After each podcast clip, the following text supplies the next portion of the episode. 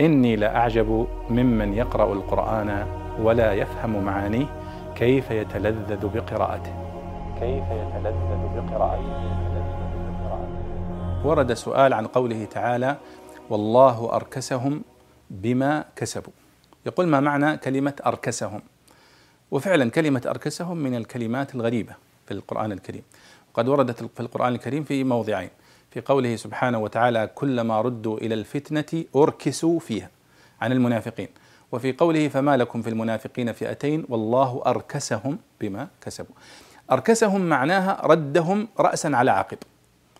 ردهم إلى الكفر والضلال. فهؤلاء المنافقين قد أظهروا الإسلام ولكنهم قد أبطنوا الكفر. فالله يقول والله أركسهم أي ردهم إلى الكفر بسبب ما أبطنوه من النفاق ومن آه، عدم تصديق النبي صلى الله عليه وسلم.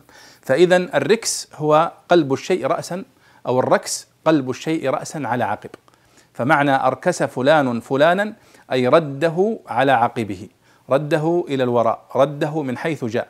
فكذلك هؤلاء كانوا في الكفر وظن المسلمون أنهم قد أسلموا وهم لم يسلموا فالله يقول والله أركسهم.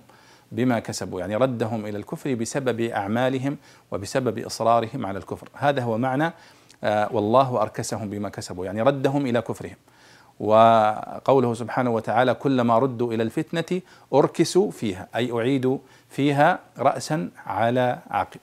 وهي من الكلمات النادرة الاستخدام في القرآن الكريم وكذلك في كلام الناس آه، المتداول. والله أعلم.